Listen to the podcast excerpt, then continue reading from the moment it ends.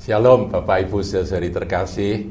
Saudaraku sekarang kita akan masuk dalam satu acara yang spesial. Kemarin kita sudah mendengar akan beberapa kesaksian dari bapak-bapak. Sekarang seorang ibu ya Ibu Lilis. Shalom, Shalom Bu Lilis. Iya apa kabar? Baik puji Tuhan. Iya puji Tuhan Bu Lilis ini aslinya dari Medan tapi pernah bekerja di Jakarta dan akhirnya oleh tangan kasih Tuhan sampai ke kota Semarang dan bersama-sama dengan sidang jemaat Kahal melayani sesuai dengan bidang dan talenta yang Tuhan berikan pada anaknya yang dikasihi ini. Nah, saudaraku, saya sedikit mengikuti akan perjalanan perjuangan dari Ibu Lilis. Ibu Lilis ini seorang ibu dengan dua putri yang pada waktu saya ketemu putrinya masih remaja dan masih kecil ya jadi dua putri. Nah tapi saudara uh, kesaksian di balik semuanya itu tidak mulus. Ada peristiwa-peristiwa yang berat yang harus dilalui oleh seorang ibu yang masih muda dengan dua putrinya dan ada tangan Tuhan yang menolong sampai hari ini. Nanti kita akan dengarkan kesaksian dari Ibu Lilis. Mari silakan Bu. Ya, uh, saya bersyukur kalau sampai hari ini saya bisa di Semarang. Uh, tangan Tuhan yang membuka jalan buat saya, yang memimpin perjalanan saya bisa sampai hari ini, di mana tadinya sepertinya semuanya hanya sebuah mimpi uh, tapi Tuhan bekerja luar biasa bahwa semuanya Tuhan genapi dengan caranya yang luar biasa yang kalau saya hari ini melihat ke belakang itu saya sampai wah ternyata rasanya mustahil gitu ya. rasanya ya. mustahil kalau bukan karena Tuhan itu tidak pernah bisa menurut pemikiran saya. Nah ceritanya sebenarnya gini Om Hin, uh, saya udah lama kerja di Jakarta dan uh, sampai satu titik itu kami harus pindah ke Medan dengan secara hmm. dadakan. Pada uh, sampai di Medan juga tidak bisa bekerja sehingga semuanya uh, serba tidak menentu dan hari demi hari ya yang kita jalanin itu uh, kami mengalami yaitu satu KDRT di mana-mana oh. di mana kami uh,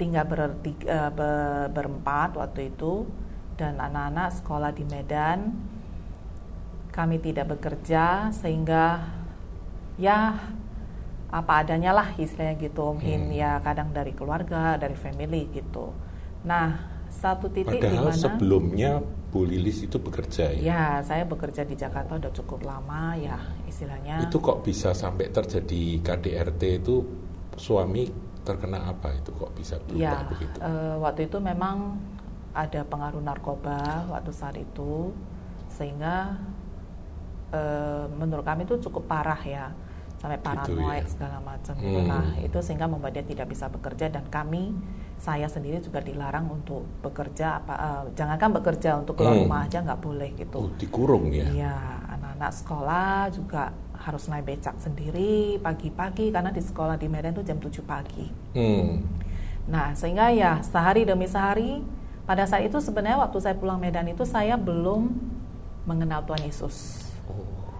Nah, dalam perjalanan tapi saya sebelumnya juga pernah dilayani bahwa pernah diceritakan bahwa Tuhan Yesus begini-begini hmm, saya hmm. mendengar kabar baik itu hmm. tapi mungkin karena masih berkeras hati sehingga ya belum menerima belum ya. menerima belum menerima nah satu hmm. titik sampai di Medan itu sehari demi sehari sepertinya itu seperti udah kayak neraka banget hmm. saya jadi terpa, uh, apa istilahnya terpanggil gitu hmm. mempelajari apa sih Tuhan Yesus itu? Hmm. Saya sampai punya eh, beli Alkitab waktu itu dapat Alkitab dan eh, awal-awal itu saya langsung dibukakan satu ayat yang di Roma 12 Oh, 2 iya, 12 iya, ya iya, kalau nggak salah itu Iya. bahwa eh, Bersukacitalah bersukacitalah dalam Tuhan dalam pengharapan, pengharapan sabarlah dalam kesesakan, ya dan bertekunlah dalam doa. Ada tiga itu Bu, Bu Lilis. ya Bersukacita dalam pengharapan, Pengharapan. sabar dalam kesesakan, tekun dalam dan doa. Nah, saya pegang firman itu bahwa saat ini saya sesak gitu. Saya Hmm. akan coba bertahan. Hmm. Dan da- dari dari situ saya coba eh, menggali lagi firman mem- eh, me- me- me- mengenal Tuhan Yesus itu lebih lagi sehari demi sehari. Bisa ke Akhirnya gereja saya- apa enggak? Tidak. Waktu itu iya. bi- eh, kalau diajak ya kita bisa pergi. Tapi kalau enggak ya kita di, enggak enggak ke mana-mana Hmm. gitu.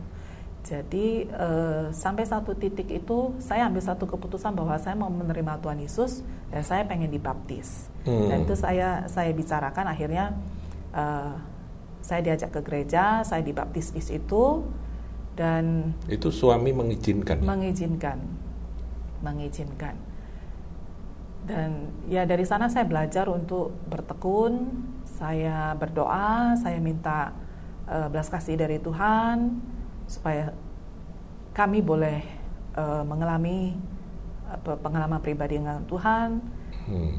berjalan dengan waktunya eh, sepertinya eh, tidak membaik bahkan itu malah menjadi semakin menjadi semakin jadi ya, menjadi semakin jadi. parah ya. sehingga sa- sekitar dua minggu tiga minggu anak-anak udah tidak diperbolehkan untuk sekolah dan saya juga merasa Sampai bahwa anak-anak nggak boleh sekolah tidak ya. boleh pergi dari rumah tidak boleh keluar dari rumah Itu sekolah juga jahatnya pengaruh narkoba, ya. narkoba ya Sampai akibat dari sedemikian. narkoba oh. dan dari sana saya pikir wah ini anak-anak kalau misalnya begini terus mau jadi apa gitu Masa depannya masa ya. depannya seperti apa ini dan saya di sepertinya di eh, diteguhkan gitu jadi ada yang datang ke rumah Hmm. itu langsung berbicara dengan saya bilang Ci eh, masih mau nunggu sampai dibunuh baru istilahnya eh, baru nyerah gitu nggak lihat em, anak-anak. maaf ya Bu Lilis ya, saya harus menggali sedikit lebih dalam. KDRT yang Ibu Lilis alami itu selain dikurung ada juga eh, apa kekerasan Iya. fisik ya. Iya ya, ya, ya satu mujizat yang saya eh, ngalami waktu itu, menurut saya satu mujizat ya gitu, karena saya disiram air panas, tapi saya tidak merasakan panas gitu. Uh, dahsyat sekali Iya. ya perlindungan Tuhan. Iya. ya. Nah dari sana saya eh, sehari demi sehari itu merasakan bahwa ini nggak benar. Hmm. Makin hari makin makin nggak benar, anak-anak juga udah nggak boleh sekolah. Akhirnya saya dalam kebimbangan saya nih mau apa gitu. Hmm. Nah saya di di ada ada eh, ibu-ibu datang gitu. Nah saya saya di, di- dibilangin loh, Ci ini Ci kalau begini terus, Ci mau tunggu dibunuh gitu. Uh, Kasihan anak-anak, dia bilang gitu ya. Kalau misalnya lang- ini nggak apa-apa, anak-anak gimana gitu. Hmm. Dari sana saya langsung eh, ada kesempatan pinjam telepon eh, ibu ini, saya telepon ke hamba Tuhan yang saya kenal di Jakarta, saya ceritakan dan saya ditegu, saya dikuatkan bahwa ya sudah, kalau ada kesempatan kabur-kabur aja. Hmm. Nah, benar ada satu kesempatan di mana kita tidak dikunci. Saya menguat me- menguatkan diri saya itu untuk Memberanikan bawa diri, memberanikan ya. diri terus saya harus tekad dan saya harus berani. Akhirnya saya bawa dua eh, anak saya keluar dari rumah itu melalui Hmm. pintu belakang. Kabur ya. Kabur dan saya dibantu sama ibu ini untuk eh, sementara untuk ke rumah dia atau eh, apa Tinggal di tinggal rumah di dia. rumahnya gitu. Nah dari sana saya sampai s- beberapa hari kemudian saya dibawa ke airport dengan eh, bantuan dari hamba Tuhan ini dan saya dikawal dengan tentara-tentara. Nah, kalau Hmm. saya hari ini saya kalau itu kayak sampai sedemikiannya gitu karena Eh, kalau mengingat peristiwa itu kok Ya, sampai demikian iya, gitu ya. sedemikian hebohnya. Hebohnya gitu. ya. Nah, akhirnya ya eh, kami sampai di Jakarta dan kami eh, di, eh, tinggal di rumah hamba Tuhan beberapa minggu. Terus kami ditanyain sekarang mau ke mana. Hmm. Nah, akhirnya karena saya tahu uh, ada pelayanan di Lampung, saya bilang ya udah kalau memang ada pilihan saya kalau boleh saya uh, pilih ke Lampung aja. Uh, sedikit pertanyaan, Bu Lilis, apakah suami nggak ngejar itu? Dengan... Oh iya, justru kami takut dia kejar, makanya sampai kami di apa dikawal sampai dengan tentara-tentara karena uh, kalau kami di istilahnya saya juga terhantui di, di kebayang-bayang akan dikejar terus gitu. Hmm, Sebentar hmm, lagi saya ini hmm. kayaknya di Uber gitu. Hmm, hmm, hmm. nah, ada ketakutan ada itu. Ada ya? ketakutan ya? itu. Nah, sampai kita di Jakarta dengan uh, ditanyain akhirnya mau ke mana kita ambil keputusan untuk semakin jauh semakin bagus di mana yang tidak pernah kami pikirkan di Lampung itu di mana hmm, tidak ada ya, kenalan ya, sama sekali nggak ya. pernah ke Lampung ya sudah kalau memang uh, bapak ada di daerah Lampung ya kalau diizinkan ya kami boleh ke sana akhirnya hmm. kami sampai di Lampung ya uh, anak-anak ya sekolah ya hmm. kami kami di difasilitasi lah ya yeah, yeah. Uh, untuk cari sekolahan cari rumah tempat tinggal ya selama di di Lampung kami uh, waktu itu ada sekitar satu setengah tahun gitu hmm. bekerja ya di sana ya ya puji Tuhan ada uh, jemaat yang di Jakarta di uh, gereja yang di Jakarta itu ada toko komputer di Lampung hmm. yang ditawarkan gimana mau coba nggak saya bilang saat ini sebenarnya saya nggak ada pilihan kalau memang saya juga nggak punya ya? pengalaman nggak ya. punya pengalaman komputer itu taunya pakai tapi saya nggak tahu jerohannya di dalamnya iya, seperti iya. apa cara gitu. jualnya bagaimana ya, karena ini ya. jualnya komputer second Om Oh second. second. Second. Jadi di Lampung itu masih jalan kalau pada saat itu hmm. untuk komputer second. Saya saya nggak tahu loh ini namanya apa, ini dalamnya isinya apa, ada yang namanya RAM, apa segala macam. Hmm. Saya nggak ngerti saya bilang gitu. Ya akhirnya ya nggak apa-apa kalau memang mau ya nanti di training. Saya bilang ya saya sih mau-mau aja gitu loh. Iya. Akhirnya ya, saya di no choice ya masalahnya. No choice ya karena waktu itu di sana saya nggak tahu harus harus apa dan saya sendiri juga masih punya rasa takut gitu kalau saya oh. jadinya trauma gitu Om Hin. Seperti paranoid ya, gitu ya. jadi nanti tengah-tengah malam itu saya bisa bangun sendiri kayak saya dikejar-kejar gitu. Hmm. Nah, saya sih uh, ya merasa bahwa di Lampung ini saya mencari tenang aja dulu gitu. Cari uh, memperbaik uh, me, me, ini diri saya sendirilah hmm. membenahi diri saya sendiri supaya bisa tenang sambil bisa, kerja di toko kerja. tersebut ya. ya. Ya akhirnya saya uh, belajar dan uh, menjalani toko itu dari uh, kios kecil akhirnya bisa beli ruko uh, karena di sana memang komputer second itu bisa jalan oh, masih, sekolahan masih, masih laku bisa ya? gitu iya itu sekitar tahun berapa ya Bu Lilis 2005 ya, pertengahan deh Oktober gitu 2005 Oktober kita sampai di Lampung. Hmm. Dan saya akhirnya di Lampung itu berjalan satu satu tahun lebih. Di, di situ saya juga bergumul lagi. Uh, karena saya sendiri waktu waktu saya masa sekolah itu saya punya satu keinginan bahwa hmm. suatu saat nanti kalau saya memang uh, bisa itu saya pengen kuliah dan bisa di sekolah yang lebih oke okay lah istilahnya oh, gitu yang, yang berkualitas ya, begitu ya Nah, Pak saya sendiri kan memang dari keluarga yang kurang mampu, mama uh, waktu itu mama single parent, papa udah meninggal, sehingga uh, tidak ada kesempatan untuk kuliah gitu. hmm. gitu.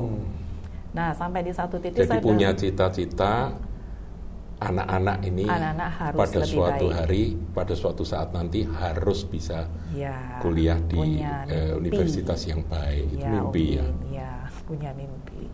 Nah, setelah jalan setahun lebih di Lampung sepertinya saya udah mulai kuat gitu Min. Hmm. Saya udah bisa benar diri, mulai stabil saya udah bisa ya, tenang. Mulai stabil ya. Uh, walaupun memang secara fisik saya capek, saya nggak apa-apa, tapi saya merasa jiwa saya itu lebih tenang hmm. gitu. Uh, di sana saya juga di uh, istilahnya dilayani dengan gereja lokal, saya dibimbing, saya saya merasa bersyukur banget bahwa dalam sepanjang perjalanan saya di dalam kesesakan ini saya dikirim Tuhan gitu. Malaikat-malaikat yang uh, memagari saya, yang menguatkan saya itu saya saya merasa ini satu berkat yang luar biasa iya, buat saya iya, pribadi. Iya, tangan Tuhan iya, memimpin ya. di dikala memang di saat saya dalam lembah, tapi kok ada perlindungan Tuhan yang luar biasa. Nah, hmm. setelah saya merasa saya mulai tenang, saya mulai kuat gitu, hmm. saya berpikir ini anak-anak kalau lama-lama sekolah di Lampung sini kayaknya juga bukan kerjaan gitu. E, karena saya punya mimpi sendiri gitu kan. Hmm. Gimana saya cara untuk e, mimpi ini bisa terjadi pada anak-anak saya gitu. Apa sekolahnya juga kualitas kurang bagus ya? Ya di sana sih gimana ya sekolah nggak dua jam pulang gitu. Ya menurut saya sih di luar dari ekspektasi saya ya pada saat itu ya ya dalam ya, keadaan tapi terpaksa. mungkin itu di Lampung sudah cukup bagus ya di Lampung. Iya bisa jadi. Nah terus uh, saya waktu itu memberanikan diri akhirnya saya telepon ke teman kantor saya yang di Jakarta. Iya. karena saya sudah lama juga nggak pernah kontak-kontak dan saya dikasih tahu keluarga bahwa saya dicari terus oh. sama teman saya ini gitu. Akhirnya saya beranikan diri, saya telepon, saya ngomong uh, apa adanya, saya ada di Lampung, keadaan saya begini, begini, begini. Akhirnya saya berapa hari kemudian saya ditelepon balik, saya disuruh ke Jakarta. Oh. Suruh balik ke Jakarta untuk bisa kerja di kantor yang di Jakarta hmm. lagi. Saya bilang ya coba saya. Uh, Itu kantor lama ya? Kantor lama yang yang di Jakarta. Nah itu titik baliknya Umin. Akhirnya saya terima tawaran itu, saya bilang oke okay, hmm. karena saya mau ditempatkan di Jakarta. Ter ternyata Tuhan berkehendak lain di dalam perjalanan uh, karena waktu itu masih bulan Desember. Saya bilang oke okay, nanti anak-anak waktu mau naik kelas, yeah, yeah. saya uh, baru bisa pindah gitu. Oh. Dan di tengah-tengah per tahun Maret itu saya ditelepon lagi bahwa dibilangin kami lebih butuh, eh, maksudnya kantor yang di Semarang lebih butuh orang gitu. Hmm gimana kamu bersedia nggak ngerti Semarang ya? saya belum tahu Semarang oke okay.